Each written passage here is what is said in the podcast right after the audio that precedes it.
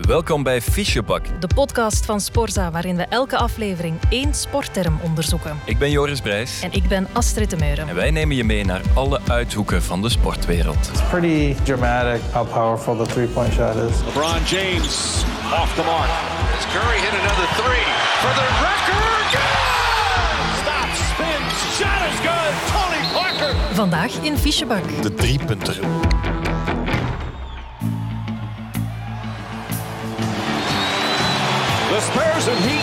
Back in Miami. They've alternated wins for five straight games, providing us with a series of extreme twists and turns. Het is eh, 18 juni 2013 in de American Airlines Arena in Miami. Gaat zo meteen Game 6 van de NBA Finals van start. De San Antonio Spurs tegen de Miami Heat voor de zesde keer al in de finale reeks van dat jaar. Een match waar veel van afhangt, want in de reeks leidt San Antonio met 3-2. Als de Spurs met Tony Parker onder andere deze match winnen, zijn ze kampioen. Tony Parker and the Spurs can taste it one win away from another title for San Antonio. De Spurs spelen tegen de Miami Heat, de ploeg van LeBron James en Miami. Dat is de titelverdediger, maar staat nu met de rug tegen de muur in de finale. Als ze een tweede titel op rij willen winnen, dan moet Miami deze match winnen. En daarvoor rekent het natuurlijk vooral op LeBron James. LeBron James the Heat facing elimination. Can he lift his team once again and force a game seven? Een soort matchen waar NBA-fans van dromen. Twee heel sterke ploegen. Volledig aan elkaar gewaagd, die tegen elkaar opnemen in een match waar alles van afhangt. Zowel de fans als de spelers weten dat het een avond is waarop letterlijk alles kan gebeuren. Maar op dat moment, net voor het begin van de match, weet nog niemand dat ze die avond getuige zouden zijn van de beste en mooiste driepunter aller tijden.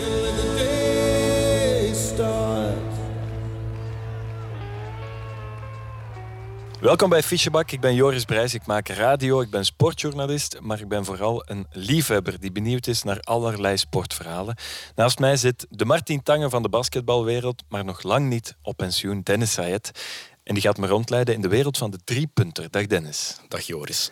Als je in Vlaanderen regelmatig naar basketbal kijkt, dan heb je Dennis zeker al gehoord. Je geeft eh, commentaar, Dennis. Je hebt ook je eigen basketbalpodcast, X&O's. En oprecht, ik ken niemand die meer van basketbal afweet eh, dan jij. Extra compliment in de zak. Dat is een heel mooi compliment, dank u. Jij kan vertellen over de driepunter, een term uit het basketbal. Ja, klopt. Ja, de driepunter. Het is heel simpel. Hè. De betekenis zit hem eh, in de naam. Een driepunter is wanneer een speler met één shot drie punten scoort.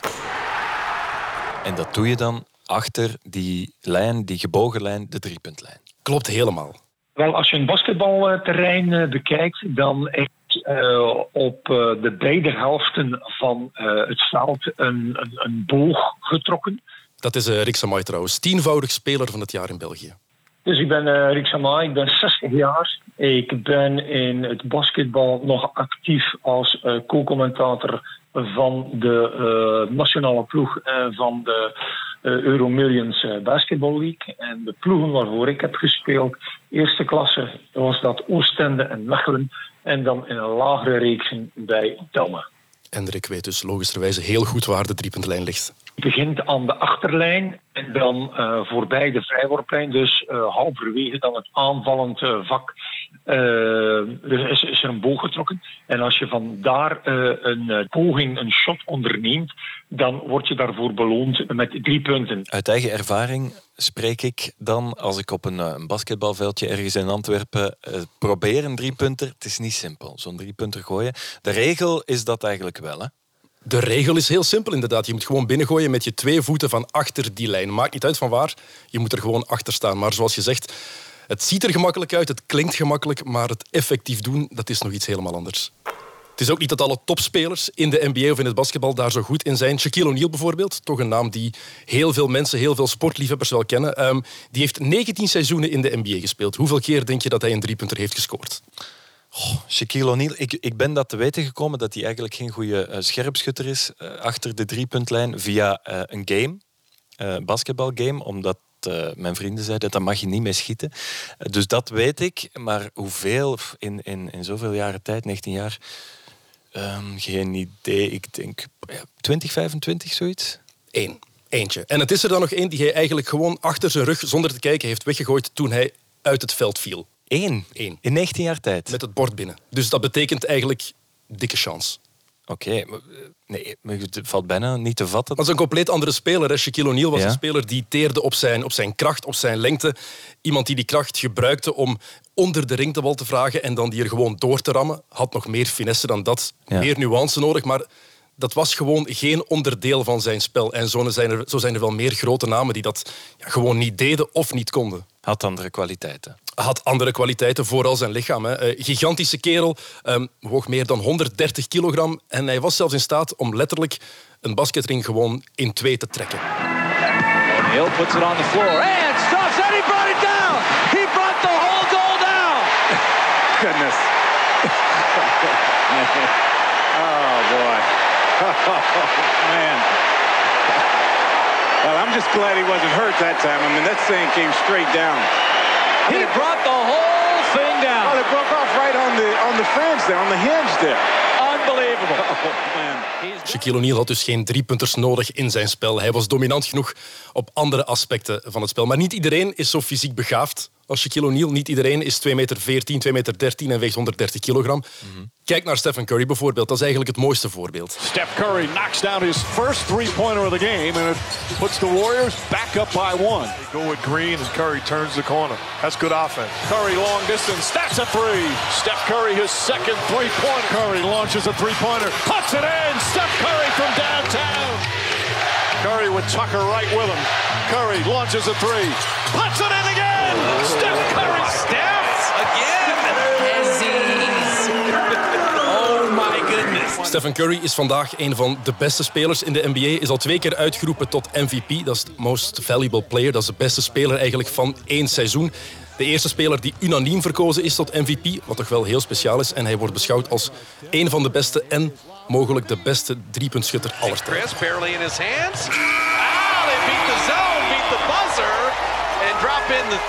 Curry is ook een gast die wel een hele lange weg heeft moeten afleggen om ja, die status eigenlijk te bereiken. Want in zijn jonge jaren werd hij vaak letterlijk over het hoofd gezien. Well, I think when I first started in AAU ball, like when I was nine or ten, I was always the smallest kid on my, my team.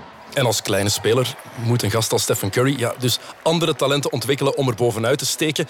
En dan begint hij volop te trainen aan zijn shot. It just uh, you just see things differently on the floor and try to find how you're going to be successful and how you're going to impact the game as a as a smaller guy. En dat heeft duidelijke resultaten, want op zijn 21ste wordt Curry gedraft door de Golden State Warriors. Ook al zat hij daarvoor bij een hele kleine universiteit.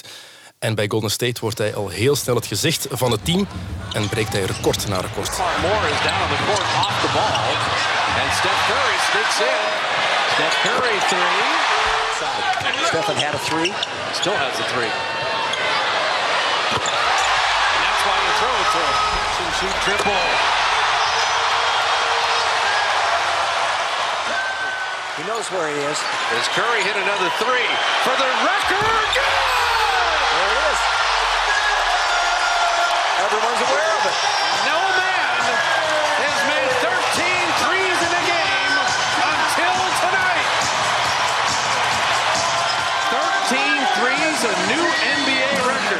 Stephen Curry is trouwens goed op weg om het record aantal driepunters in een NBA-carrière te breken. Hij speelt ondertussen 11 jaar in de NBA en zijn teller staat momenteel op 2495 driepunters. Never been a shooter like him in the history of the game. Dat is een maf getallen. En die, ik heb ook vaak al filmpjes gezien van Stephen Curry dat hij zelfs van buiten het veld bij de opwarming binnengooit. Hè, dat hij er bijna altijd in gaat. Het gaat verder en verder, letterlijk. De afstand wordt verder en verder van de driepunters die hij, die hij probeert. Ja, ik heb het getal 2495 eh, onthouden, aantal driepunters. Ik ben nooit goed geweest in rekensommen, maar ik weet wel dat dat er 2494 meer zijn dan Shaquille O'Neal. Klopt. Goed gerekend, Joris. Jij hebt wiskunde gedaan vroeger ooit.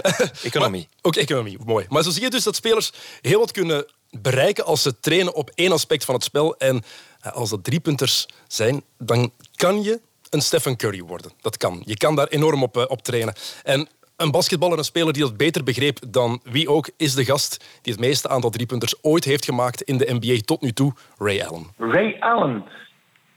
Ray Allen is volgens mij de driepunt shotter met de mooiste stijl. Van mij krijgt hij een 10 op 10 wat betreft shooting. Ray Allen is op pensioen gegaan in 2014, heeft 19 jaar in de NBA gespeeld en 2973 driepunters gescoord. Mensen kennen hem vooral nu als een catch-and-shoot-speler. Dat is iemand die de bal krijgt en dan zonder te twijfelen meteen begint te knallen. In het begin van zijn carrière was dat anders, maar daar is hij naar geëvolueerd. En mensen onthouden vooral natuurlijk de laatste jaren. En dan was hij echt een catch-and-shoot-speler. Iemand die echt op de juiste plaats altijd stond om die bal te vangen, meteen te beslissen. En hij had daar ook een routine voor eigenlijk. Heel zijn carrière heeft hij een waanzinnige opwarming gehad van... Het was tussen het half uur en het uur, maar altijd heel precies dezelfde oefening. En elke keer deed hij hetzelfde opnieuw en opnieuw en opnieuw. You see guys walk in the gym and they kind of mess around and shoot. They're never game shots. So my warm-ups are free throws. You know, that's where I work on my release. Ik denk dat je dat kunt vergelijken bij, met, met, de wielrenners. Hè, dus die uh, een, uh, een, een tijdrit moeten gaan rijden op de rollen. Dat zal in schuim en zweet staan of een hakzal gaan dippen.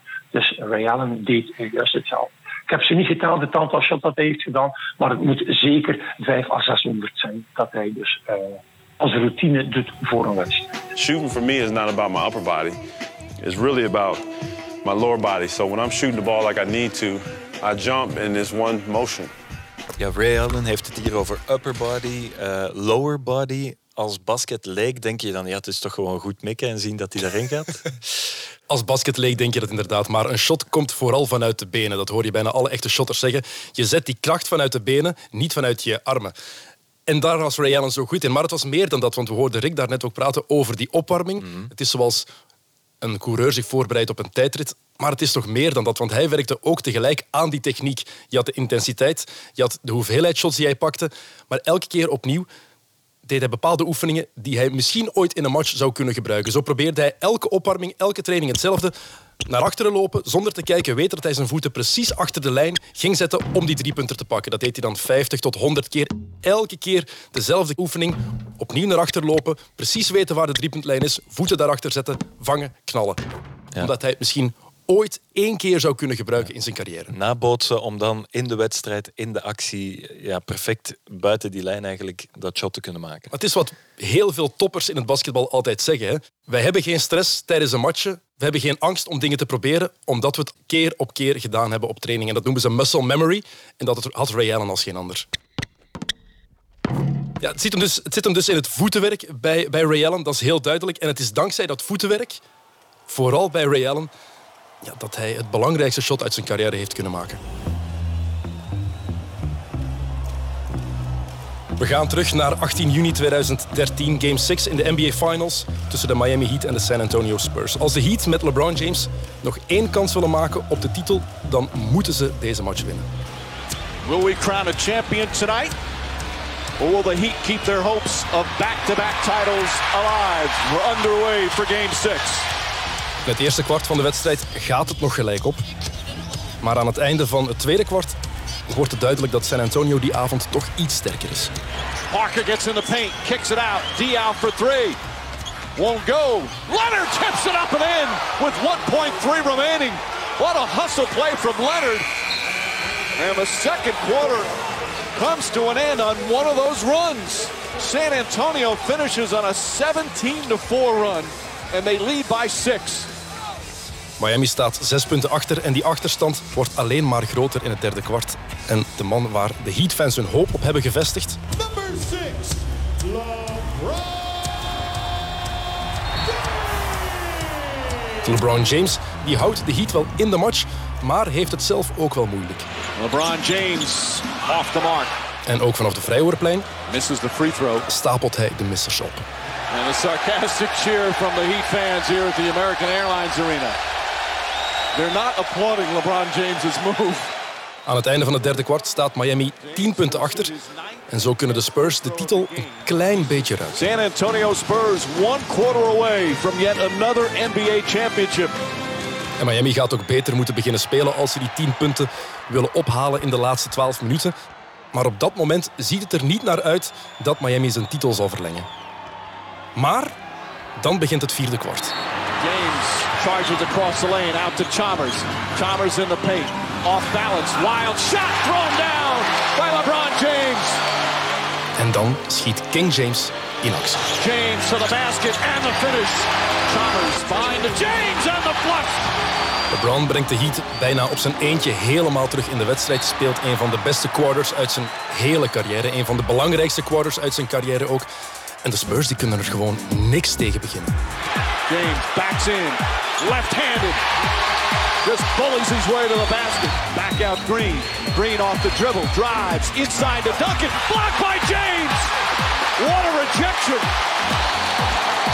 What a defensive play by LeBron James. He's doing it all here in the fourth. Maar op een paar minuten van het einde vinden ook de Spurs hun tweede adem. Parker gets in the paint. Stops, spins, shot is good. Tony Parker, back-to-back buckets and the Spurs regain the lead. Er staan nog 20 seconden op de klok. Miami staat drie punten achter en het lijkt alsof LeBron James al zijn magie heeft opgebruikt. Enkele supporters van de Heat die geloven er al niet meer in en zijn het stadion uitgelopen. En rond het speelveld wordt al een geel koord gespannen om de mensen van het veld te houden als de wedstrijd voorbij is, om de trofee daarna te overhandigen aan de nieuwe kampioen, aan de San Antonio Spurs. Want het ziet er niet goed uit voor de Heat. Maar het is nog niet voorbij. Nog 20 seconden op de klok en Miami begint aan zijn laatste aanval. Should the Spurs foul? Should Miami go for the three right away? Just attack the basket. James catches, puts up a three. Nog 10 seconden op de klok. LeBron James probeert van achter de driepuntlijn. James catches, puts up a three. Won't go. Rebound Bosch. LeBron mist, de bal kaatst weer het veld in en wordt gevangen door ploegmaat Chris Bosch. We zitten nu op 8 seconden van het einde. Bosch weet dat Miami een driepunter nodig heeft om verlengingen uit de brand te slepen, maar hij staat onder de ring. LeBron James staat vrij achter de driepuntlijn, maar Bosch staat er met zijn rug naartoe en ziet hem niet. Maar dat is misschien niet zo erg, want vlak naast hem onder de ring staat nog een speler van Miami. Een speler die op zijn voetenwerk kan rekenen om in 1 seconde 4 meter achteruit te sprinten om achter de driepuntlijn te springen. Een speler die als geen ander een bal kan krijgen en zonder 1 seconde van twijfel een driepunter te scoren. Ray Allen. James catches, puts up a three. Won't go. Rebound Bosch. Back out to Allen. His three-pointer. Bang! Tie game with five seconds remaining.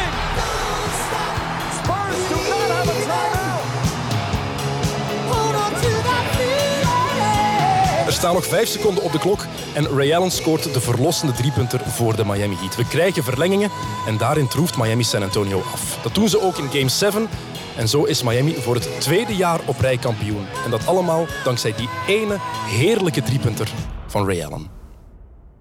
Je hoort aan alles dat dit een classic is in het basketbal. Net zoals in het voetbal. Bijvoorbeeld de goal van Gutsen van Duitsland tegen Argentinië. Of Iniesta bij Spanje tegen Nederland.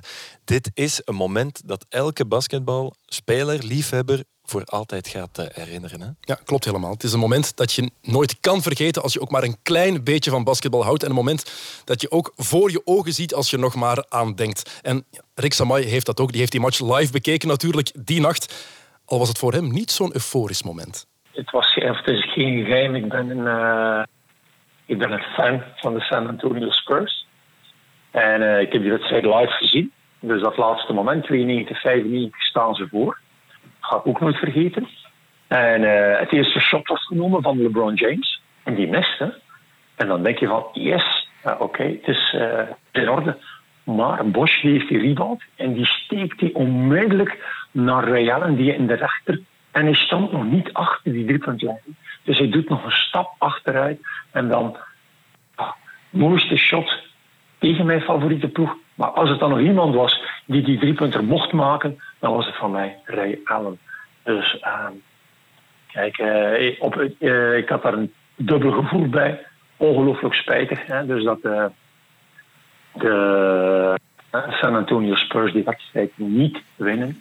Maar anderzijds fantastisch wat uh, Ray Allen daarmee uh, heeft gerealiseerd met die. Ik hoor ik zeggen een dubbel gevoel. Negatieve gevoelens, positieve gevoelens. Het brengt zoveel teweeg, dat shot. En Dennis, ik ga niet zeggen dat ik tranen in je ogen zie, maar het scheelt niet veel. Hè? Mijn hart begint nu terug sneller te slaan. Ik ga er niet over liegen. Ik voel mij terug in die zaal, want ik was daar in Miami. Het was het eerste jaar ah, dat, dan ook nog. dat ik live commentaar mocht ja. geven bij de NBA Finals. Ik ben opgegroeid als mega NBA-fan. Ja. Dus dan de Finals live mogen zien in de zaal was een droom. En dan nog eens de misschien wel beste Finals match ooit bekijken. Dat was, die match was waanzinnig.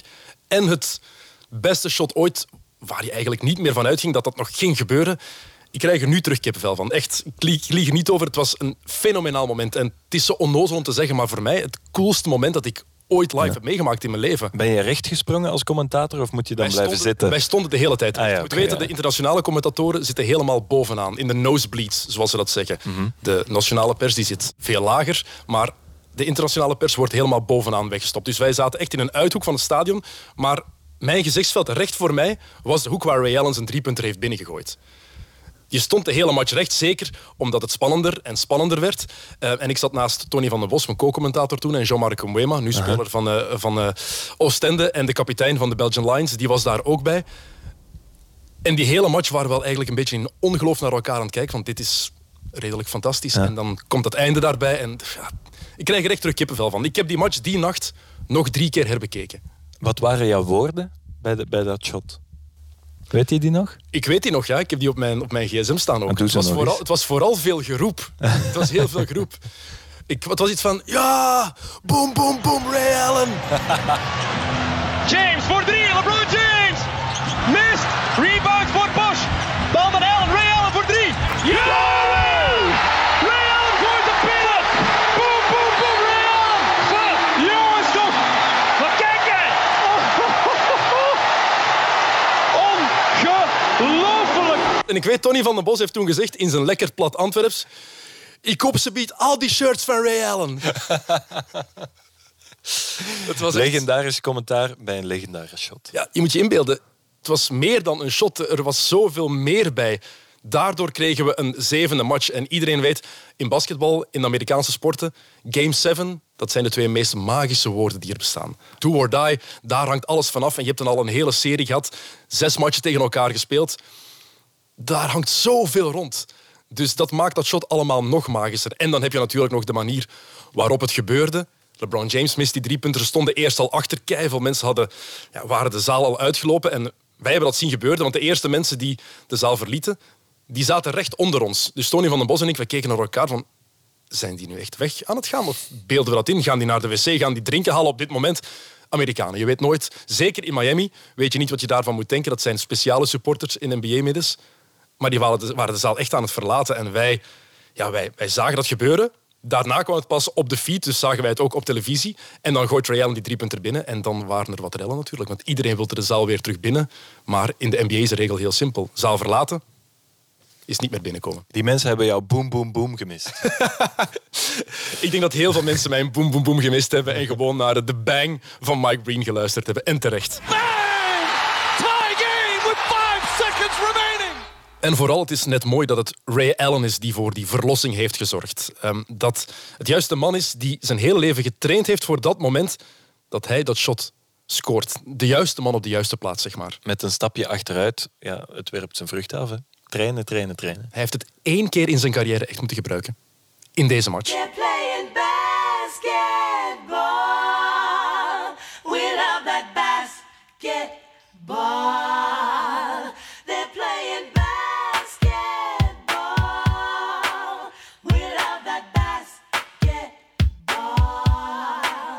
Ehm, nu, die driepunter van Ray Allen past ook binnen een, groter plaatje. Want toen Allen die driepunter in 2013 maakte en Miami eigenlijk naar de titel leidde, bevestigde hij een beetje wat analisten en coaches ervoor al zagen aankomen. Dat er zich binnen de NBA een revolutie aan het ontketenen was. Een revolutie die de NBA eigenlijk drastisch heeft veranderd en basketbal als sport heeft veranderd. De revolutie van de driepunter. Als je kijkt naar, eh, de evolutie, ik heb eerder gezegd als de evolutie is niet meer eh, gevolgd, maar als je kijkt naar de evolutie in het begin van de dat de driepuntlijn stond, werden er wat is het, een, een, drie à vijf shots per wedstrijd. En gemiddeld werd er per ploeg genomen. Eh, ik heb daarnet uh, dus, uh, de Golden State Warriors aangehaald. Die drie spelers alleen al nemen er 25. Dus wat houdt dat in? Dus dat het belang van de perimeterspelers enorm is toegenomen. En dat het belang van een, ik ga er een paar noemen, een Olajuwon, een Shaquille, een, die mensen, dus die grote dominerende centers, um, de, Admiral Robinson. dus dat de, belang, het belang van die jongens is afgenomen. En, en, is vervangen geworden door uh, de Ray Allens, de, ja, de, de, Stephen Curry, Clay Thompson, eh, James Harden. Ik vergeet er nog veel, ik weet. Maar dat type speler, eh, twee, drie spelers die over een ongelooflijk goed driepunten shot beschikken. Dus het is een totaal ander eh, sport geworden. Wat Rick zegt is eigenlijk dat het niet de bonken zijn, niet de beren van venten die nu belangrijk zijn in het basketbal. Dat het nu eerder de shotters zijn die hun plaats buiten ja, die driepuntlijn kiezen om op die driepunters te scoren. Is dan die sport echt zo veranderd? Die grote bonken zijn nog wel belangrijk, maar zijn niet meer zo belangrijk als vroeger. Zijn niet meer cruciaal en niet meer bepalend altijd. Dat was vroeger wel het geval. En de sport is aan het veranderen. Ik het beter zo kunnen zeggen. Want de NBA, daar is basketbal al veranderd. Maar in Europa en in de andere continenten is dat nog bezig eigenlijk. Is die evolutie, die driepunt-evolutie, revolutie, nog altijd aan de gang. Maar de driepunter is vandaag wel steeds meer de norm geworden. Iets dat je in je arsenaal moet hebben, dat je onder de knie moet hebben als je match wil winnen. Ook als je nu 2,12 meter bent. Er wordt van je verwacht dat je wel af en toe een driepunter kan binnengooien. Maar dat is iets dat eigenlijk pas de laatste decennia echt tot uiting is gekomen. Ehm, De driepunter werd vroeger meer gezien als een one-hope-shot. Een laatste poging om toch nog te scoren als al de rest niet meer werkte. En nog vroeger, in de beginjaren van het basketbal, was er zelfs geen sprake van driepunters.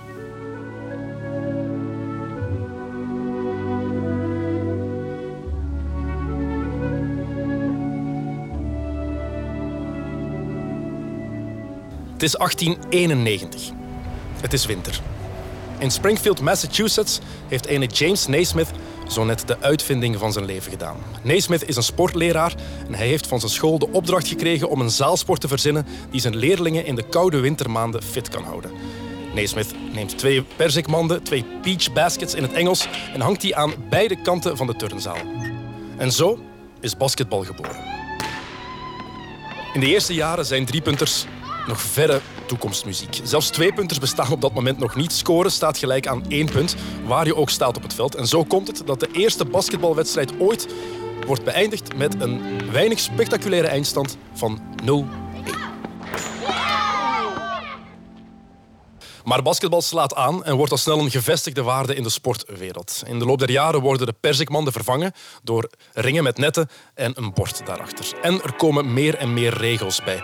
De sport verspreidt zich over de Verenigde Staten en in 1946 wordt de BAA opgericht, wat drie jaar later de NBA wordt, de National Basketball Association.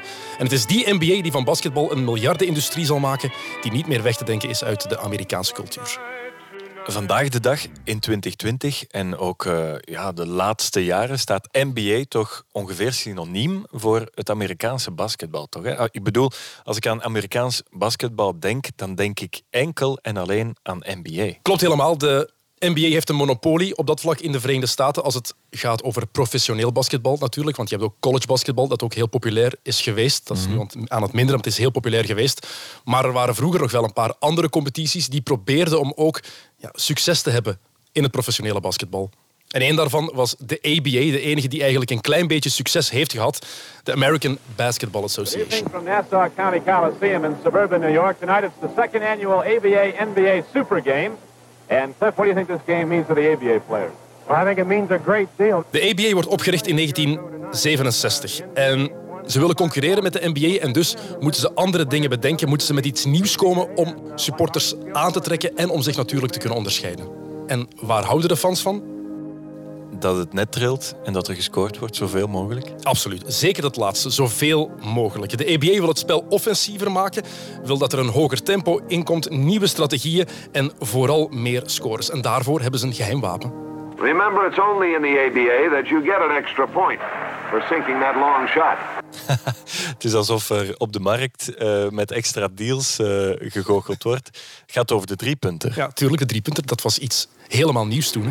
The ABA feels that this extra incentive to shoot from farther out causes the defense to open up. That opened up the defenses, so now you could drive from the wings and get under the defenses, and there was more action. Er was de NBL, die hadden de driepunter eigenlijk bedacht, maar die competitie was eigenlijk onmiddellijk failliet gegaan. En dan is de ABA gekomen en die zijn daar onmiddellijk mee gestart. En dus worden spelers beloond met een extra punt voor een shot van op afstand, zeg maar.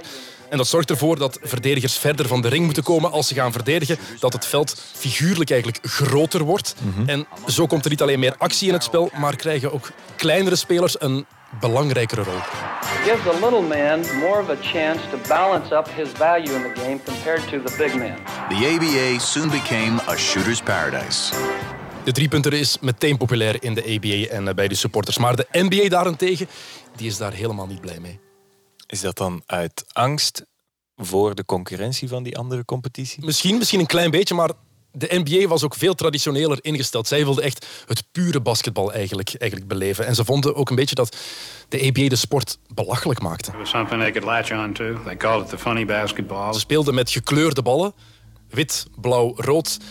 Je had veel meer show eigenlijk dan in de NBA op, op dat moment het geval was. Nu zijn we dat gewoon, daar hangt show aan. Een NBA-match had Ja. is show. Dat was anders eind jaren 60 en begin jaren 70. And the three-point play, that wasn't really basketball. They kept saying, well, you know, that's not the way Naismith invented it. Ja, niet hoe de man Naismith die basketbal heeft eh, ja, uitgevonden, hoe die het bedoelde.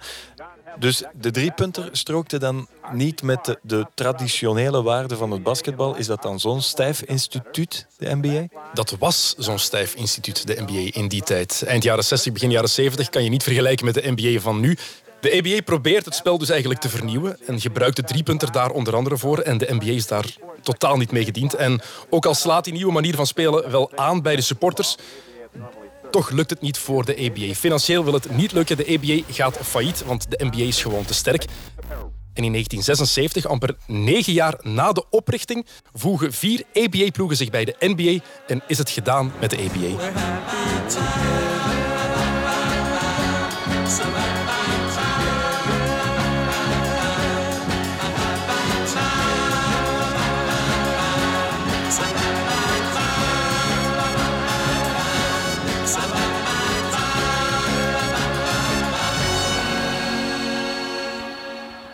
Die ABA, opgeslokt door de grote reus met de naam NBA. En is de NBA dan de driepunter meteen beginnen eh, ja, toevoegen aan het spel? Of... Ze gaan niet meteen toegeven dat een andere competitie eigenlijk een beter idee had. Daarvoor zaten ze veel te hard vastgeroest in hun ideeën, in hun oude gedachtegoed. Ze hebben gewoon eerst hun eigen regels behouden. Maar drie jaar later, in 1979, heeft de NBA dan toch de driepuntlijn ingevoerd. Toch beseft van dit kan misschien toch wat iets toevoegen aan het spel. Al beschouwden de meeste mensen een driepunter in die eerste jaren wel gewoon als een gimmick, als een extraatje dat totaal niet belangrijk was. In het eerste seizoen, 1979-80, gooide een ploeg gemiddeld nog geen drie driepunters per match. Waarvan ze, waarvan ze er dan gemiddeld nog net geen één scoorden. Hoe zit dat vandaag dan? Vandaag is dat, ja, je kan dat niet meer vergelijken, dat is gewoon belachelijk. Per match gooide een ploeg vorig seizoen 34 driepunters. Gemiddeld. 34? 34. Oké, Ze wauw. maakten er daar gemiddeld 12 van. Maar Ja. dat verschil, dat is 40 jaar en dat is, je kan dat niet meer vergelijken. Compleet andere sport geworden. Ja, ik ga mijn rekenkunsten nog eens bovenhalen. Dat is meer dan tien keer zoveel. Fantastisch. Het komt, hij komt van heel ver, de driepunter. Want eh, alleen in het begin werd dat zeker niet serieus genomen. Hè. Dat shoppen van achter die driepunt of die introductie van die driepuntlijn. Maar ik denk dat ze al heel snel hebben ehm, kunnen ehm, vaststellen dat eh, die driepuntlijn eh, ook eh, van ongelooflijk belang was. Het jaar waarin de driepunter werd ingevoerd, 1979 dus, was ook het rookiejaar, het eerste seizoen van ene Larry Bird, Larry Legend. En Larry Bird was een van de eerste spelers die regelmatig een driepunter durfde shotten. Bird, the trailer, sets for three. Parrish gets it back to Bird, who takes a three-pointer of his own. Bird winds up three-pointer. Moncrief is trying it. Bird's three-pointer. Three-pointer! Continue to toss him up until somebody stops him. Bird's three-pointer. Yes. Here we go! Bird's open again. Hits the three. But three more. Larry Bird. Bird winds up again, three points. Three for three. Oh, mercy. Got it. He tries another one. Of course. Why not? De nadruk ligt wel op durven, want Bird probeerde in zijn eerste zes seizoenen gemiddeld nooit meer dan twee driepunters per wedstrijd. Vergelijk dat met Stephen Curry, die ongeveer tien driepunters per match neemt. En je ziet dat een ja, driepuntspecialist in die beginjaren toch iets helemaal anders was dan vandaag. Maar in de jaren 80 en 90 volgden steeds meer grootheden en goede spelers, het voorbeeld van Larry Bird, en raakte de driepunter stilaan meer en meer geïntegreerd. Hoe geïntegreerd dan? Want geïnspireerd ook door Larry Bird? Niet alleen door Larry Bird, er waren gewoon een paar jongens die een goed shot hadden. Die dat al wisten, dat ze daar goed in waren, die zich dan zijn beginnen specialiseren eigenlijk in driepuntshots. Kijk naar in de jaren 90 een Reggie Miller, dat is een naam die misschien een belletje doet rinkelen. Die was daar fantastisch in. Je had in de jaren 80 nog een Dale Ellis bijvoorbeeld. En Del Curry, vader van Stephen Curry, was ook zo iemand. Die heeft bijna al zijn punten gescoord van achter de driepuntlijn. Dat was zijn specialisatie. Er waren ook meer en meer coaches die dat echt begonnen te integreren in hun gameplan. Die dat echt belangrijker en belangrijker begonnen te vinden. En begonnen te begrijpen van, oké, dit, dit kan meer zijn dan enkel een gimmick. Dit kan echt wel een belangrijk wapen zijn. Maar toch is het pas in 2004 dat er echt wordt nagedacht over de driepunter als een cruciaal strategisch wapen. Bij de Phoenix Suns onder coach Mike D'Antoni. Today I get to meet up with my old coach, Mike D'Antoni. We horen hier trouwens Steve Nash, de spelverdeler van de Phoenix Suns onder Mike D'Antoni. D'Antoni is an offensive genius, changing the way basketball is being played. He was relentless in pushing us to play with quick decisions, shoot threes, shoot early. That offense was nicknamed the seven seconds or less Suns. He was ahead of his time, wasn't he? Sure was. Playing for Mike was the best days of my career. Het concept van D'Antoni is eigenlijk redelijk simpel. En draait helemaal om die 7 seconds or less aanval. En die naam zegt het al helemaal. Scoren binnen de 7 seconden. Je kan dat doen door op de fast break te lopen. Dat is een counter zoals in het voetbal. Of bij een gewone half-court offense. Daarbij staan de shotters, de mannen die goed kunnen knallen van op afstand staan, allemaal verspreid rond de driepuntlijn. En de point guard, dat is de spelverdeler, de, bal, Ja. de speler die de, het spel leidt, die de bal ook over de middenlijn dribbelt, die begint zijn aanval dan meestal met een pick-and-roll bovenaan de driepuntlijn. Oké, wacht hè, Dennis. Ik ken eh, een curry-roll, ken ik. Wat is een pick-and-roll? Een pick-and-roll is een van de meest cruciale acties, plays die er zijn in het basketbal. De speler die dribbelt met de bal, er staat een verdediger tegenover hem, die krijgt dan een screen of een scherm, zoals ze dat zeggen, van een ploegmaat. Ehm, het is een beetje zoals, probeer te vergelijken met ehm, het voetbal, een blok zetten. Iets wat eigenlijk niet mag. Je ziet dat heel veel spelers doen, een blok zetten op een andere verdediger. Dat is eigenlijk wat hij doet. De aanvallende speler zonder de bal zet daar een screen, zet een blok. En de man met de bal die dribbelt daarover waardoor zijn verdediger blijft hangen in dat screen. En je eigenlijk zo een meerderheidssituatie creëert. Een aanvaller die een verdediger probeert tegen te houden door gewoon stil daar tegen te staan. In het voetbal mag dat niet, in het basketbal is dat wel toegelaten. De man met de bal, de man die over die pik dribbelt, heeft dan een paar opties. Hij kan zelf scoren, hij kan hem pas geven naar een van zijn shooters achter de driepuntlijn, of hij kan de bal geven aan die mens die naar de ring duikt, die die roll gedaan heeft. En het belangrijkste was bij Mike D'Antoni, bij dat Phoenix van toen, dat alles moest gebeuren binnen de zeven seconden. Oké, ik probeer te begrijpen. Ik, eh, ik denk dat ik het door heb, maar zo simpel klinkt het toch allemaal niet. Ik ga je wel geloven, want je bent het. Het ding is, als je vijf pick-and-rolls even ziet, je kan het gemakkelijk op YouTube snel even opzoeken, dan snap je onmiddellijk wat dat wil zeggen. Ja, ik onthoud dat ik eh, het is het moet opzoeken op YouTube. Ik vond nogthans dat ik het mooi had proberen uit te leggen. het is perfect uitgelegd. Een van de belangrijkste dingen die je hiervan moet onthouden is dat die shooters dat die allemaal netjes achter de driepuntlijn blijven staan. Die bewegen natuurlijk wel een beetje, maar dat is echt wel hun plaats. En ja, de tactiek van D'Antoni draait niet volledig om de driepunter, maar maakt er wel een belangrijk deel van uit. Het is heel belangrijk daarvoor. De driepunter maakt deel uit van zijn strategische spel. En dat was eigenlijk redelijk revolutionair. Ja, want plots is de driepunter een deel van een strategie, terwijl het eh, eerder in die ABA een gimmick was waar de NBA smalend over deed. En plots is het een, een geheim wapen geworden in, eh, in, de, in het basketbal. Ja, klopt helemaal. Zeker omdat er zoveel goede shooters waren bij dat Phoenix van Mike D'Antoni, waardoor de verdediging daar constant rekening mee moest houden. Vroeger was het een gimmick, dus dacht je van ja, laat die maar eens knallen. Maar als dat zo'n integraal deel uitmaakt van het plan, van de manier van spelen, dan moet je als verdediging alles aanpassen. En moet je ineens denken, oké, ik mag niet te ver gaan staan van die driepuntshotter, want anders krijg ik drie punten in mijn bakkes. En dat En- heeft heel veel veranderd. En met die pick-and-roll en die zeven seconden bij de Suns, ehm, heeft dat ook voor succes gezorgd voor die ploeg? Ja, eigenlijk wel. Eén, het was vernieuwend. Het was fantastisch om te zien. Het is een ploeg waar heel veel basketballiefhebbers nog altijd mooie herinneringen aan overhouden. Omdat het ja, spectaculair was om te zien. Het was razendsnel. Helemaal gebaseerd op aanval. Verdedigen was voor de boeren. Het was gewoon knallen en, en gaan. En het resulteerde ook in overwinningen. Eh, In het eerste seizoen hebben de Suns 62 van hun 82 wedstrijden in het reguliere seizoen gewonnen. D'Antoni werd coach of the year. Steve Nash, de point guard van de Phoenix Suns, de spelverdeler, werd MVP. Voor een kleine blanke jongen die totaal niet atletisch was, zegt dat veel eigenlijk over zijn impact op die ploeg ook. En ja, Steve Nash terecht MVP toen. Steve Nash, the MVP of the NBA. Maar met die 7 seconds or less offense is Phoenix wel nooit kampioen geworden. Dat is, daar zijn ze niet in geslaagd. Maar het belangrijkste is dat Mike D'Antoni de deur verder heeft geopend voor het strategische gebruik van de driepunter. En de ploeg die daar het meeste van geprofiteerd heeft, het meeste succes mee gehad heeft, dat zijn de Golden State Warriors. And the dream season is now complete. The Golden State Warriors are the 2015 NBA champions. Their first title in 40 years. Eerste titel in 40 jaar tijd, hoor ik hem zeggen. Met dus Stephen Curry, die van daarnet, die perfecte driepunt shooter, die ook eh, van buiten het veld eh, bij de opwarming daar alles binnenknalt. Hè? Stephen Curry, de beste shooter aller tijden. Heeft gedaan waar Mike D'Antoni en de Phoenix Suns niet in geslaagd zijn. Kampioen worden. Vroeger werd gezegd, jump shooting teams don't win championships. Ploegen die vooral teren op een afstandsshot, die kunnen geen titel winnen. Want er is zo'n oud basketbalgezegde, you live or die with the jump shot. betekent van ja, een jump shot van op afstand, dat is een risico. Je kan daar niet op vertrouwen. Je kan beter dicht bij de ring gaan zoeken. Ja, die hebben dat helemaal ontkracht, de Golden State Warriors. Kampioen in 2015, um, onder leiding van coach Steve Kerr.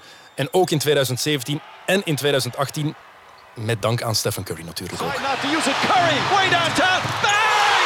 Bang! Oh, what a shot from Curry! With six tenths of a second remaining. The brilliant shooting of Stephen Curry continues.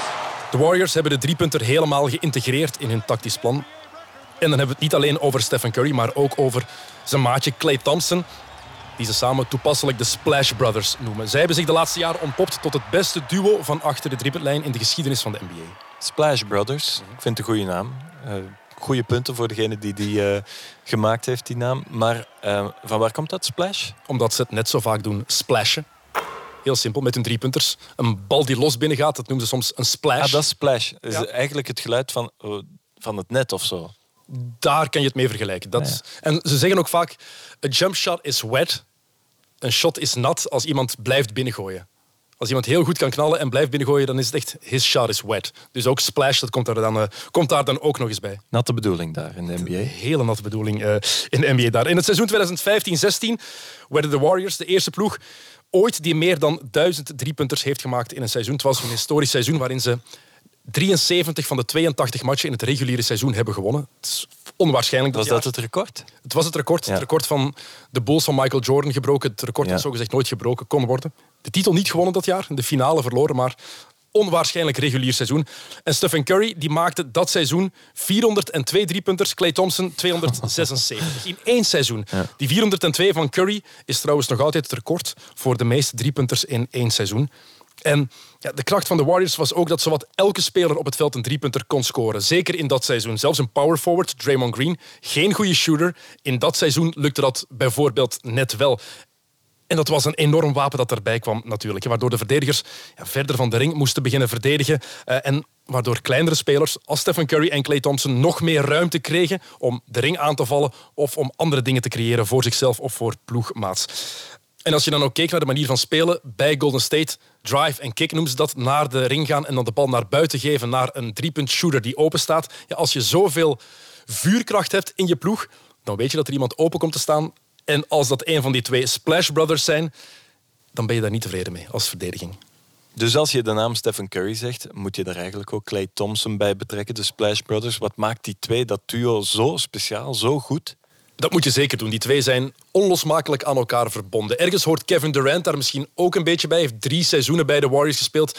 En van Golden State de misschien wel beste ploeg aller tijden gemaakt. Maar Durant, dat is een one of one, zoals ze dat zeggen. Die is zo uniek, die kan alles. De meest unieke scorer ooit. Dus moeilijk om hierbij te halen bij de Splash Brothers. Omdat Curry en Thompson de NBA en het basketbal veranderd hebben met hoe zij spelen, met hoe zij teren op dat driepuntshot en daardoor voor nog meer mogelijkheden creëren eigenlijk. Zij mm. hebben echt het basketbal gewoon een andere sport gemaakt met hoe zij spelen en hoe zij kunnen knallen van achter de driepuntlijn. Ja, ze hebben met de driepunter een ongelooflijk belangrijk wapen in huis, of hadden. Met Thompson, met Curry, met Durant, die er ook nog bij zegt. Uh, dat is een, een driepuntermachine.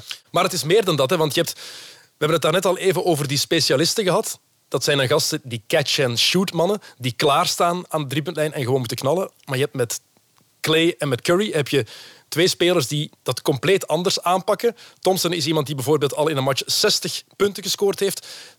In een match waarin hij wel geteld 11 keer gedribbeld heeft.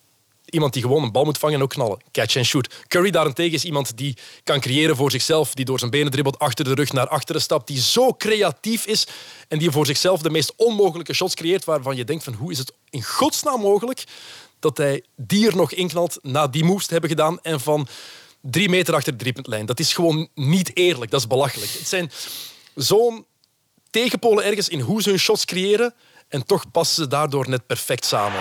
Here's Curry for three. Back tap. Thompson for three. But right there, splash brother. Ze hebben ook allebei een compleet andere techniek. Clay Thompson heeft het mooiste shot dat er ooit is geweest in de NBA. Bullseye again. Clay Thompson. Voor de echte shooting coaches en de basketbalpuristen, als je daar naar kijkt, dat is gewoon porno. Dat is gewoon, dat is gewoon geil. Dat is belachelijk. Clay Thompson with that pure shot. Het ziet er zo perfect uit. En heb je Stephen Curry, die doet dat met meer flair, die gooit van een beetje lager. En dat heeft ook zijn eigen schoonheid dan. Het is, ja, het is onwaarschijnlijk eigenlijk dat net die twee samen zijn beland met hun kwaliteiten. Je begint te denken dat die splash van porno komt. Ja, Joris, ik ga, ik ga je daarin laten doen. His basketball is like a member of his own De driepunter was het voornaamste wapen van de Golden State Warriors in hun toptijd. Zeker met Stephen Curry en Klay Thompson. Maar ze deden veel meer dan dat alleen. Eigenlijk kwam maar 35% van hun doelpogingen van achter de driepuntlijn. En daarmee waren ze pas de 14e in de NBA qua percentage driepunters. Op nummer 1 stond een ploeg die zich volledig had toegespitst op het nemen van driepunters. En dat komt omdat hun general manager, hun sportieve baas, een voorliefde had voor data-analyse. Analytics has really permeated everything. Our edge has allowed us to win the most games, 65 last year. Dat is Daryl Morey. Die was tot voor kort de general manager van de Houston Rockets. Hij heeft ook een bachelordiploma computerwetenschappen met een specialisatie in de statistiek. In die kan dus echt wiskunde, Joris. In 2006 richtte Morey de MIT Sloan Sports Analytics Conference op. Hele mond vol. Eh, op die conferentie komen jaarlijks mensen van de NBA, NFL, NHL, MLB en zelfs de Premier League samen om er te spreken over de analytics achter de sport, over de cijfertjes. En het is die data-analyse die Morey ook gebruikt heeft voor zijn eigen team voor de Houston Rockets. You can break winning down into two things. Uh, one is how many points do you get per possession, and then how do you get extra possessions. Morey is dus iemand die wil weten hoe hij het meeste kan halen uit balbezit. Hij liet een eh, data-tracking systeem installeren. En dat wees uit dat er twee soorten shots zijn die het meest efficiënt zijn. Dunks en layups, dus gemakkelijk inside, die zijn waardevol omdat die zo goed als nooit gemist worden. En Driepunters? En driepunters.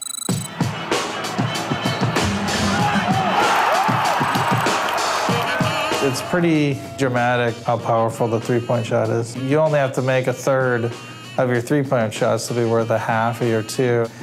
En het gaat hier weer over wiskunde, want een derde van, van je driepunters zijn dan meer waard dan de helft van je tweepunters. Ja, inderdaad. Dat is eigenlijk zo logisch en zo simpel dat het straf is dat niemand daar eerder is opgekomen en daar eerder zo op ingezet heeft. Ehm, stel dat een speler 100 driepunters pakt en hij scoort er daar een derde van, dus 33. Dat zijn 99 punten. Stel dat diezelfde speler 100 tweepunters gooit, dan moet hij al de helft scoren om evenveel punten te maken. Oké, de rekensommetjes eh, die kan je wel maken, maar ehm, puur fysiek is het toch veel moeilijker om een driepunter eh, te scoren, te maken dan een tweepunter, toch? Ja, dat zou je toch denken. Maar blijkbaar toch niet moeilijk genoeg om die cijfers te niet te doen. Ehm, aan de statistieken van de laatste 20 jaar zie je dat spelers uit 100 driepuntshots gemiddeld 105 punten maken. En uit 100 midrange shots, midrange shots zijn shots net binnen de driepuntlijn, maar verder dan een layup, dus twee punters die ja, iets verder weg van de ring zijn, scoren ze gemiddeld maar 79 punten. Ja, dat is een groot verschil dat je niet mag negeren dan. Hè? Daarom de cijfers zijn soms duidelijk genoeg. En daar komt nog eens bij dat bij het gooien van een driepunter de kans op een aanvallende rebound groter is dan bij een midrange shot. De bal komt van verder, dus bij een misser van achter de driepuntlijn is de kans groter dat hij ook verder terug in het veld botst. En dat is een beetje de strategie van Daryl Morey en was die van de Houston Rockets. Zoveel mogelijk uit je balbezit halen. En ook zorgen voor zoveel mogelijk balbezit gewoon. Makkelijker gezegd dan gedaan. Je hebt er het juiste team voor nodig. Hè?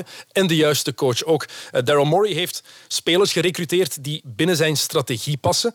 Um, Waar Mike D'Antoni en de Phoenix Suns konden rekenen op Steve Nash, kunnen de Houston Rockets rekenen op James Harden. Geweldige speler. De Beard. De Beard, inderdaad. Heb je een idee wie de coach was van Houston de laatste jaren? Nee, sorry. Mike D'Antoni. Dezelfde Ah, coach die Seven Seconds or Less heeft bedacht. De perfecte coach voor wat Daryl Morey wil doen met zijn ploeg. Voor wat hij wil zien van, van zijn team. Ehm, James Harden komt daarbij. Dat is een ongelooflijk offensief talent. Een groter talent dan Steve Nash. Kan geweldig naar de ring gaan. Is fysiek fantastisch sterk. Een meter 98 ongeveer. Is goed in het uitlokken van fouten. Scoort layups bij de vleet, zelfs als ze aan zijn lichaam hangen. En kan waanzinnige driepunters knallen. Zelfs als er twee man rond hem staan, naar achteren springen, hand in zijn gezicht. Maakt niks uit voor, voor die gast. De ideale speler dus voor de visie, de basketbalvisie van Daryl Morey. Zeker in combinatie met Mike D'Antoni. En hoe langer Harden bij de Rockets speelt, hoe meer driepunters per match hij begint te shotten en zijn ook. James Harden with the step back three. He actually led the NBA three. Gets it to fall. As Harden makes a three. James Harden. James. A long three-pointer. Gets a little room, and this time it goes down. Harden. Nobody near him. Sets all the time and nails the three-pointer. Three straight baskets for James Harden. Harden steps back. Open three. Got it. James Harden. Harden steps back. Puts up a three. It goes. Bounces and drops. The more minutes he plays, the better he's going to be.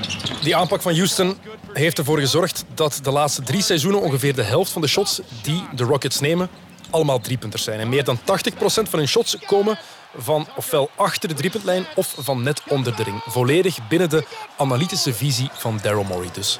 Dennis, ik ga eerlijk zijn, ik ben niet altijd de grootste fan van cijfers en statistieken in eh, de sport. Het neemt voor mij soms zo wat de charme weg van eh, een bepaalde sport. Dus zeg maar alsjeblieft dat ze daar geen al te groot succes mee gehad hebben. Nee, geen al te groot. Ze hadden daar Yes. eigenlijk wel succes mee moeten hebben. Twee jaar geleden hadden ze de finale moeten halen. Hadden ze Golden State moeten uitschakelen. Maar het is door blessures onder andere niet gelukt. En omdat ze in de beslissende zevende match 27 driepunters op rij hebben gemist. Kijk. Kan gebeuren. Ja, kijk, Ja. maar je houdt niet van cijfers. Ze spelen volgens een analytisch model. En het mislukt helemaal. Maar dat is dan de charme hè, van de sport. Dus je kan, eh, je kan zoveel driepunters eh gooien en, en de kans krijgen om ze te gooien. Maar als je dat dan, dan eh, gewoon puur fysiek mist en Ja. niet eh, de capaciteit hebt om ze, om ze te maken, dan, eh, dan hoort dat erbij. Dat sport. 0 op 27 ook. Hè. Dat is echt een hallucinant cijfer. Ze hebben 27 driepunters op rij gemist. Ja, dus ze waren er dichtbij in 2018, in 2015 ook de halve finale, de conference finals, zoals dat heet in de NBA, gehaald. Twee keer verloren van de latere kampioen van de Golden State Warriors. Murray is er dus niet in geslaagd om een titel te winnen met Houston. En het gaat hem ook niet meer lukken, want hij is daar uiteindelijk vertrokken. Is nu naar Philadelphia gegaan, naar de Philadelphia 76ers. En ik veronderstel dat hij daar hetzelfde gaat proberen met het spelersmateriaal dat hij daar heeft. Maar die manier van spelen was wel niet altijd even populair bij de supporters. Nee? Nee. Eh, omdat dat ook geen fans zijn van statistieken en cijfers? Of? Bij de supporters van Houston natuurlijk wel als het succes oplevert, want je wil je ploeg gewoon zien, eh, zien winnen. Maar volgens sommigen draait het spel van de Rockets te veel rond driepunters. En dat kan wat eentonig worden. En ik kan me daar ergens ook wel, wel in vinden. Het was redelijk voorspelbaar. Als je Houston zag spelen, wist je eigenlijk wat er ging komen. Er waren maar een paar opties en altijd werd er voor die optie gekozen. Het lukte vaak, maar na een tijd, als je 82 matchen van die ploeg zou bekijken, dan heb je dat snel wel gehad. En Wordt een wedstrijd saai als een ploeg enkel voor de driepunter kiest? Basketbal wordt nooit saai, dat is al één. Eh, maar, maar ja, het wordt een beetje het wordt eentonig. Het wordt eentonig als je naar een sportwedstrijd kijkt, maakt niet uit welke sport het is. Als je op voorhand al kan voorspellen wat er gaat gebeuren, keer op keer op keer, dan word je dat altijd beu, denk ik. Het is een beetje zoals het tiki-taka van Barcelona. Het is Mhm. Ik prachtig om te zien, zeggen. maar na een tijd werd je dat ook beu, hè, omdat het gewoon, ja, je wist wat er ging komen. Ja. Het werd eentonig, het werd saai en dan... En ze hebben je door na een tijd. En dan moet je weer gaan veranderen. En dan heb je het inderdaad, heb je het inderdaad ergens, ergens gehad. Maar die evolutie, die, ja, die focus op de driepunter, die te grote focus op de driepunter, dat kan ook helemaal uitbreiden naar de, de hele NBA. Dat zie je een beetje gebeuren eigenlijk. Want de driepunter is een serieuze evolutie ondergaan. Ehm, het is van gimmick en van leuk extraatje in het begin naar een strategisch wapen gegaan. En nu is het eigenlijk de norm geworden. De driepunter is gewoon mainstream nu. Het wordt zo vaak gebruikt door elke ploeg en niet iedereen is ja, altijd even blij met die soms overdreven focus op driepunters. Ik denk, het is zeker goed als je het op de juiste manier gebruikt. En eh, als het ja, door het samenspel is van uh, negen draaiers, trek een verdediger aan, pas, nog een extra pas. Um, dan kan dat heel mooi zijn dat dat dan afgaat met de driepunters. Uh, maar om heel de wedstrijd te laten afhangen op vier van driepunters en gewoon al overdribbelen in het fastbreak en, en direct een, een shot nemen, uh, daar ben ik niet zo'n fan van. Dit is uh, trouwens Emma Meeseman. Um, ik ben Emma Meeseman. Um, ik speel nu op momenteel bij Ekaterinburg in Rusland, Washington Mystics in Amerika en de Belgian Cats, onze nationale ploeg. Meeseman is een van de beste Belgische speelsters. Vorig jaar werd ze met de Washington Mystics kampioen in de WNBA. En werd ze daar zelfs verkozen tot MVP van de finale. Tot beste speelster als eerste Europese ooit. En daar mogen we heel terecht heel trots op zijn, toch? Hè? Dat is waanzinnig. Dat is ongelooflijk indrukwekkend wat ze daar gedaan heeft. Niet alleen die titel winnen, maar ook nog als cruciale speelster. En dan nog eens die prijs winnen. Dat is onwaarschijnlijk eigenlijk. Emma is ook gewoon een fantastische speelster. Laat ons dat even heel duidelijk zeggen. We hebben Anne Wouters gehad. Dit is Anne Wouters 2.0. Zelfde niveau? Beter. Ik denk het wel. Ik denk dat zeker op termijn dat zij beter kan worden. Maar zij is, zij is een forward, zij is een, een power forward, een center. Power forward en centers, dat zijn de, de grote in de ploeg. Die spelen meestal onder de ring. Mhm. Die proberen ook meestal in de buurt van de basket, in de buurt van de ring te scoren. Maar zij heeft ook doorheen de jaren haar repertoire moeten uitbreiden en daar drie punters aan moeten toevoegen. Het is pas in Amerika dat de coach daar echt ook wel werk van gemaakt heeft. Um, en ik wist wel ja, dat ik kom, maar ik ben altijd iemand die het eerst echt wel wil trainen voor ik echt in de match op het veld breng. Moet vertrouwen hebben en zelfvertrouwen. Um, en ik ben in uh, 2013 in de league gegaan als rookie. En mijn, ja, het is pas in 2015 dat ik die klik gemaakt heb. Ik weet dat echt nog heel goed. Um, het waren nog maar vijf matchen uh, van het seizoen. We, we gingen de playoffs niet halen. En dat was gewoon opeens dat ik een driepuntshot nam. En die laatste vijf wedstrijden heb ik dan gewoon nog 5 op 7 uh, gescoord op driepunters. Terwijl in heel die carrière tot dan toe had ik nog maar één gescoord of zo. Zo was eigenlijk Shaquille O'Neal. Vroeger. Eentje. Iets minder dominant fysiek. Maar ik snap, ik snap wat je wil zeggen. Want ze, het hoorde gewoon niet bij haar spel. Maar toen ze de klik eenmaal gemaakt had, werd ze daar wel heel goed in. Vanaf toen was, ja, was het erin vertrokken. En ja, daarop um, ja, heb ik elke wedstrijd al drie punten. En heb ik dat jaar als uh, uh, leider van de competitie een percentage van drie punters. Dus dat was gewoon heel plots. Uh, ja, op training ging dat allemaal plots, maar in de wedstrijd ja, moest die klikker gewoon komen. En die driepunter onder de knie krijgen heeft ook voor resultaten gezorgd. Want in hun kampioenenseizoen waren de Mystics de ploeg die veruit de meeste driepunters nam en ook scoorde. Um, ik denk in onze ploeg hadden we maar um, één speelster die geen driepunters nam. Dus dat is, ah ja, dat is ongelooflijk, denk ik dan, in een basketbalploeg. Um, en ja, het is gewoon waar dat dat jaar dat we een enorm percentage hebben geschot. En ik denk dat dat ook wel de reden is dat we kampioen waren geworden. Want als je kijkt naar vorig jaar, degene die, ja, die nu kampioen zijn in feite, is ook om dezelfde reden. De driepuntshot. Maar ondanks het succes van de driepunter en het succes dat je kan krijgen door driepunters te scoren en te nemen, hoopt zij toch ook dat het basketbal niet helemaal in die richting gaat uh, evolueren? Ik denk dat, dat er in sommige wedstrijden gewoon al te veel gekeken wordt. Oké, okay, als staat er iemand open op de driepuntlijn, terwijl nu gebeurt alles zo rap en zo snel. En het gewoon de eerste de beste die open is, of half open, of zelfs niet open, ja, die neemt dat shot. Uh, en bij wijze van spreken, ja, hij is juist overgelopen naar een bal in te geven. En dan mag weer teruglopen omdat hij een driepuntshot genomen heeft. Dus het kan twee kanten uit. Hè. Um, ofwel gaat het inderdaad nog verder gaan. En uh, zodanig ver dat de mensen er gewoon geen fan meer van zijn. Omdat ja, uh, de match dat allemaal binnen gaat, oké, is fantastisch. Maar dat, dat leek me redelijk onmogelijk dat elke match zo gaat zijn. En oftewel gaat het kant uit van ze beseffen het, dat het soms absurd is en dat er andere opties zijn.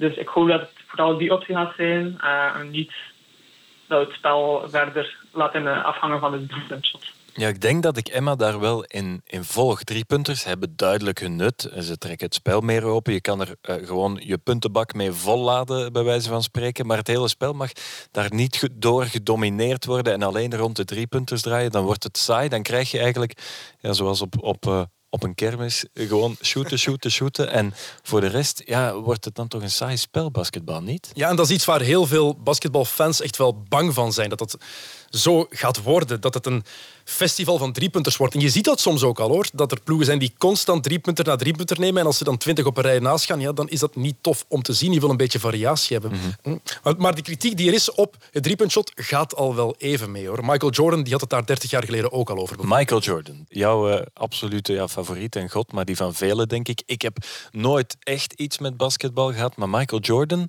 daar had ik zelfs een truitje van. Van de, van de Chicago Bulls in de tijd kon je langs binnen keren en dan had je een zwart en een rood. Dus ik had daar zelfs een, een truitje van. Een fake truitje had jij, oké.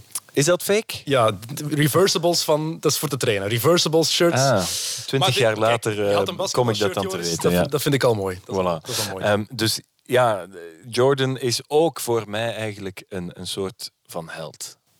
Ja, het is de GOAT, hè. Tenminste, voor mijn generatie toch. De jongere generatie gaat nu LeBron James zeggen. Dat is een andere discussie. Dat is voor, dat is voor, voor een ander moment. Maar Michael Jordan, die is nooit de beste driepunt shooter geweest. Dat is nooit zijn specialisatie geweest. Hij speelde college basketbal voor hij naar de NBA kwam bij North Carolina. Heeft daar drie jaar gezeten, van 81 tot 84.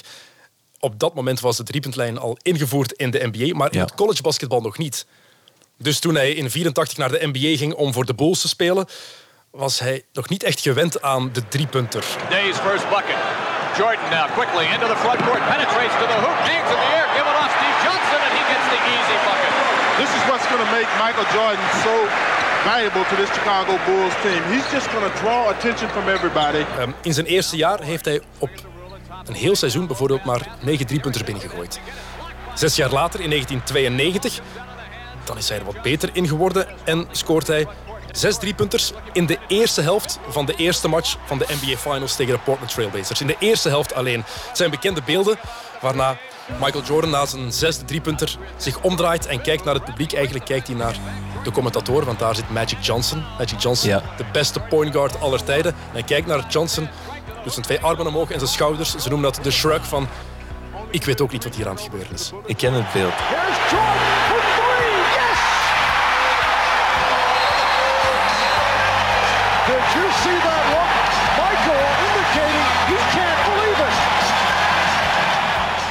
Zes op een rij, dat was zeker in die tijd al iets wat bijna nooit gebeurde. En Michael Jordan was gewoon geen shooter. Dat was, hij vond dat niet belangrijk genoeg, dat hoorde niet bij zijn arsenaal. En toen, in die tijd, hoorde dat ook niet zo hard bij het, bij het spel basketbal. Het was, dat werd wel gebruikt, maar niet zo prominent als nu. Als je dan zes binnengooit in één helft, dan verbaas je jezelf. Zelfs iemand als Michael Jordan.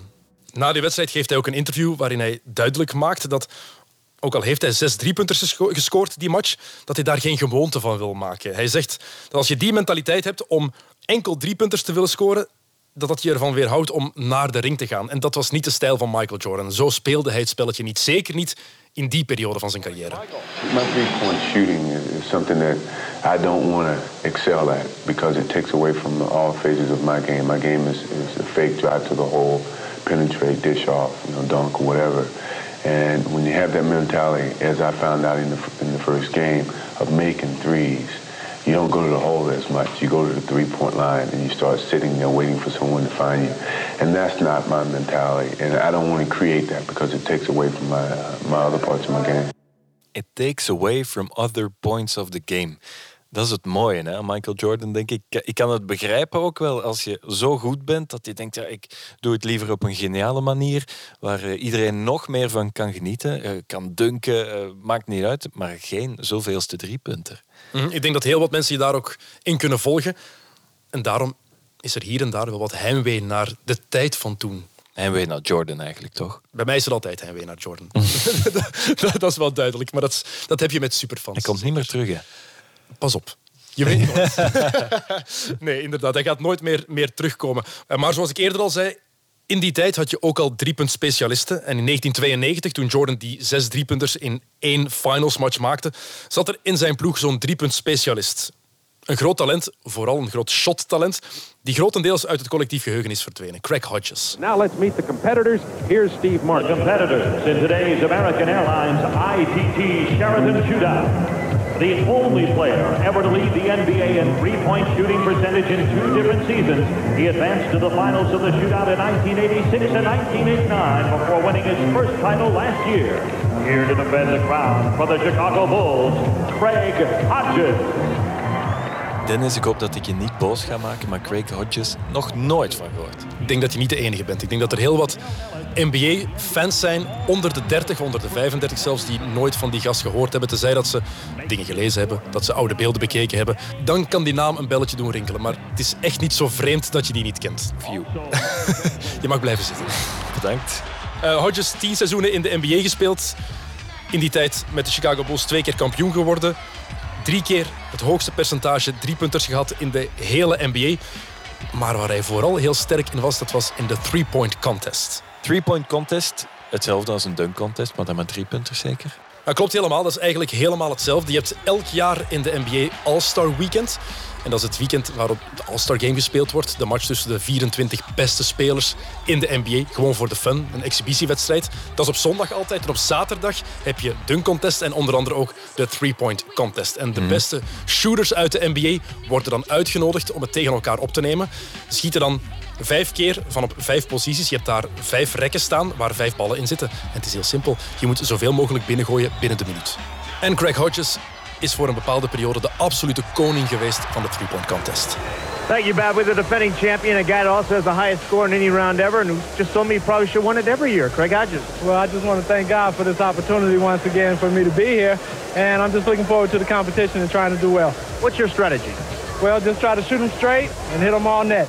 Dus gewoon alles los binnenknallen klinkt als een goede tactiek. Het, uh, het lijkt alsof ik het ook zo zou kunnen. Kan soms heel simpel zijn, sport. Hè? Maar het werkte wel voor hem. Uh, je herinnert je Larry Bird, heb ik het al even over gehad. Een van, ja. de, van die vroege driepuntspecialisten. Die wordt beschouwd als een van de beste shooters uit zijn tijd. Die heeft het record van meest opeenvolgende overwinningen van de three-point contest op zijn naam staan. Met drie opeenvolgende overwinningen. Maar dat record deelt hij wel met Craig Hodges. Ook straf trouwens, Stephen Curry, de grootste driepuntgod, zeg maar, kon in 2015 13 driepunters na elkaar scoren in zo'n wedstrijd. Craig Hodges heeft tot op vandaag nog altijd het record met 19 opeenvolgende driepunters die hij. Look at this. This is unbelievable. Unbelievable. Oh, miss. Oh, unbelievable. That was tremendous shooting. Four consecutive shots. The record was Larry Bird with 11. Now, at least he broke that record. Geweldig fragment om te horen. Ook het publiek. Oh, oh, oh. Elke keer dat hij binnengaat. Klinkt als een, als een straffe speler, hè, die uh, Craig Hodges. Um, ja, ik had een shirt van Michael Jordan, heb ik al gezegd. En ik heb ook naar uh, de Netflix-serie The Last Dance uh, gekeken en genoten. Ik heb die man daar niet gezien. Hoe komt dat? Het was niet per se een straffe speler, maar wel een straffe shooter. En een speler die wel zijn nut had binnen een ploeg. Maar zijn carrière is vroegtijdig en abrupt afgebroken. Uh, nadat hij de titel had gewonnen met de Bulls en dus met Michael Jordan in 1992, moest hij niet meer terugkomen voor het seizoen daarna. Voor 1993. De Bulls hadden hem buiten gegooid en er was geen enkele andere ploeg die hem wilde aannemen. Een speler die nog wel wat goede jaren te bieden had en die zijn nut ook al bewezen had, mm-hmm. werd aan de kant gezet en kon nergens anders meer terecht. Dus die is gewoon uit de NBA gezet, terwijl dat hij een fantastische shooter was. Was dat dan een gigantische eikel? Het waren andere tijden. Laat me dat zeggen, in de NBA. Um, ja, dus had... het was een eikel. Nee, het was geen eikel. Ah. Hij had zijn mond open gedaan. En dat was iets wat in begin jaren 90, waar anders naar gekeken werd in de NBA dan nu. Het is een gigantisch verschil eigenlijk, die competitie. Uh, Craig Hodges was een nogal politiek geëngageerd iemand. Mm-hmm. En hij stak dat ook niet onder stoelen of banken. Hij was daar heel open over. En dat was redelijk zeldzaam in die tijd, in de jaren 90. In het begin van de jaren 90 verschilde het sociale klimaat in de States eigenlijk niet zoveel van vandaag. En dat draaide toen, rond die periode, voor een groot deel rond Rodney King. Who had the camera? Where was the camera? Oh my God, they caught this on camera. It was one of the most disturbing things uh, uh, that we'd seen on video. The videotaped beating of Rodney King. It left many Los Angeles residents outraged. Het was 1991 en de Afro-Amerikaanse taxichauffeur Rodney King werd aangehouden door de politie. Hij werd uit zijn auto gesleurd door vier agenten, waarna ze op hem begonnen te trappen en te slagen met hun stokken. Um, dat was in die tijd, voor de tijd voor de smartphones. Dus dat iemand dit helemaal heeft kunnen filmen, is ongelooflijk uniek. Ja, maar het is wel gebeurd. Iemand heeft dat kunnen filmen vanuit zijn huis. En, en die video waarin je een hulpeloze Rodney King ziet liggen, die gewoon compleet in elkaar geslagen en gemapt wordt, ja, die video die sloeg echt wel in als een bom. It was like the first time we had actually seen it. So it was it was shocking, but at the same time, it was wonderful because now we Americans, we African Americans, we had evidence of our claims of, you know, injustice and mistreatment.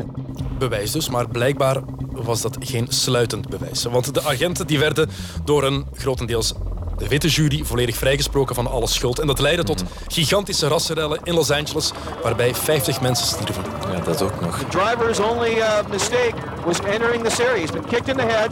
He's laying in the street. Okay, this is it. Terrible, terrible pictures. 29 jaar later en er lijkt eigenlijk nog niks veranderd. Hè, na wat er allemaal gebeurd is met Black Lives Matter en zo. Ja, het doet inderdaad denken aan vandaag. hè. Alleen is er wel een heel groot verschil op een ander vlak. Want vandaag heb je talloze atleten die sociaal onrecht aankaarten, die daarvoor uitkomen, ehm, die hun stem laten horen op sociale media of door naar wedstrijden te komen met bepaalde slogans op t-shirts, zoals I Can Breathe, of Mhm. door te knielen tijdens het volkslied. Je kan heel wat voorbeelden aanhalen van de laatste tien jaar. Afgelopen zomer zelfs, op 26 augustus, is die bom ook gebarsten in de NBA. De Milwaukee Bucks hebben toen geweigerd om te spelen in de playoffs. Ze hebben gewoon Ja. de competitie geboycott. En de aanleiding was de dood van Jacob Blake, een ongewapende man die kort daarvoor was neergeschoten door de politie in Wisconsin. Dat is de staat waar de Bucks vandaan komen. The Milwaukee Bucks have decided to boycott Game 5. You see the tweet right there. Sources tell ESPN, and Woj is reporting that. We're just getting this news in right now.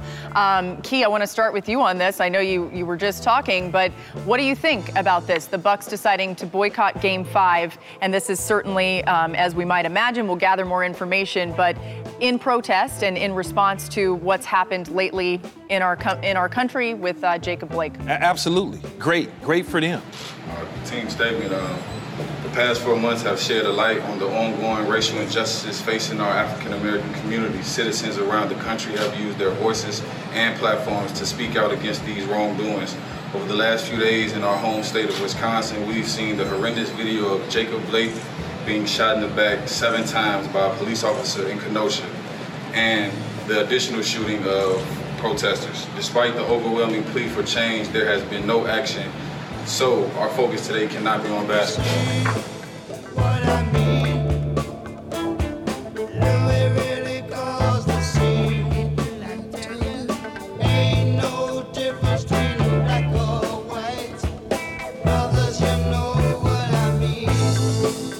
Mooi hè, begrijpelijk, moedig ook om eh, je daar gewoon voor uit te spreken en te zeggen, we basketten niet. Er zijn ergere dingen op dit moment. We, we denken niet aan sport, we gaan even een statement maken.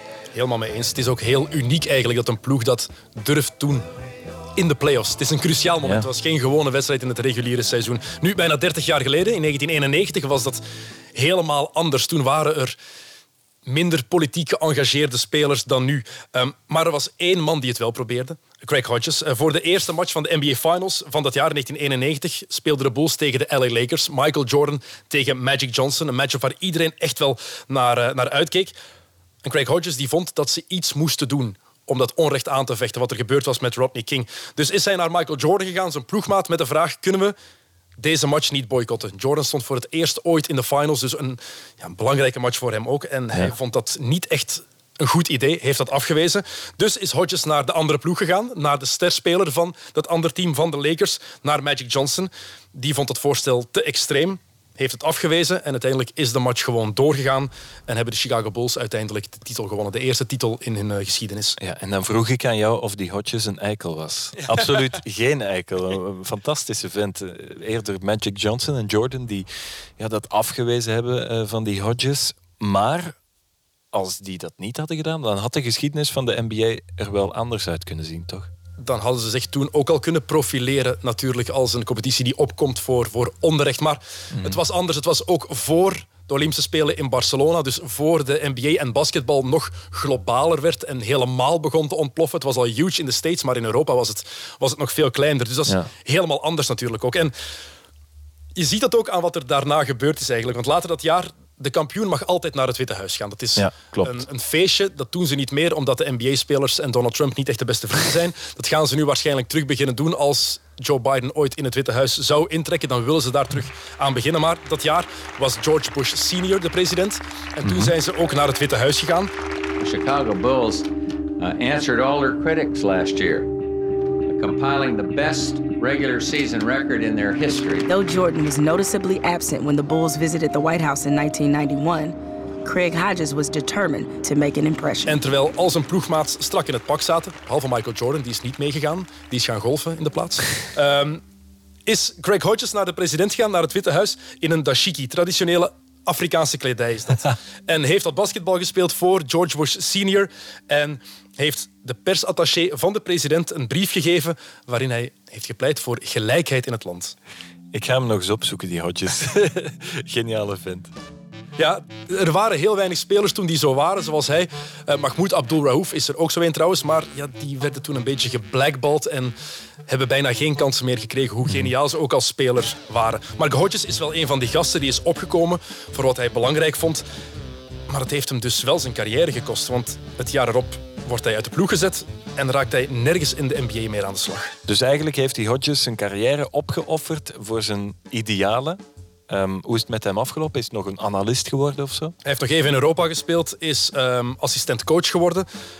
Maar zijn spelerscarrière in de NBA was wel voorbij. En Ja. redelijk snel. En dat is toch wat je zo lang mogelijk wil, wil rekken, je spelerscarrière. Hij is wel altijd blijven opkomen voor waar hij in gelooft. Dat past er natuurlijk ook bij. Als je ziet hoe hij dat die jaren toen hij gedaan heeft. Hij heeft een boek geschreven waarin hij zijn verhaal uit de doeken heeft gedaan met de gepaste naam Longshot, letterlijk en figuurlijk. Eh, vandaag is hij 60 jaar en hoopt hij nog altijd dat de wereld een betere plaats kan worden. So all of us, I tell people, and, and I I say it now, if, until hopefully we come out of quarantine more courageous, more mature, unafraid and unapologetic. Not about just unapologetically black, not that garbage, but unapologetic, unapologetic about right causes, about right human issues. What side are we on? Hij had president moeten worden. Hij kan het goed uitleggen, die hotjes. Kan nog altijd, 60 jaar. Joe Biden is er, wat is het, 78? Dus het kan nog altijd. Hij heeft nog 20 jaar. Zo mensen geven andere mensen dan weer hoop. Dat is mooi. We kunnen het eh, gebruiken in 2020. Dennis, merci. Mijn kennis over de driepunter die is verdrievoudigd bij deze. Misschien nog één ding wat ik me afvraag. Je bent zelf ook basketter. Hoe is het met jouw driepunter gesteld? Ah, wel, dat was nu een van de dingen die ik goed kon. Dus het was er goed meegesteld. Nu ben ik gestopt. Nu weet ik het niet meer, het is te lang geleden. Dus nu zal het waarschijnlijk wel vooral met bakstenen naar de ring gooien zijn. Maar toen ik goed was, tussen heel veel aanhalingstekens, laten we dat duidelijk zeggen, was het iets wat ik wel kon. Uitleggen kan je ook goed. Merci voor de uitleg. Merci voor de drie punten. She likes basketball. How about that? We have something in common to talk about. Basketball. She likes basketball. How about that? I have some place to take her when we go out. Basketball. Whoever would have dreamed, never would have thought that my favorite girl liked my favorite sport. Like any other kid, I would make believe with a ball in my hand. I'd dribble right past all the others real fast, and I'd be six foot eight, and my jump shot was really She likes basketball, isn't that wild? It's an omen that good things are on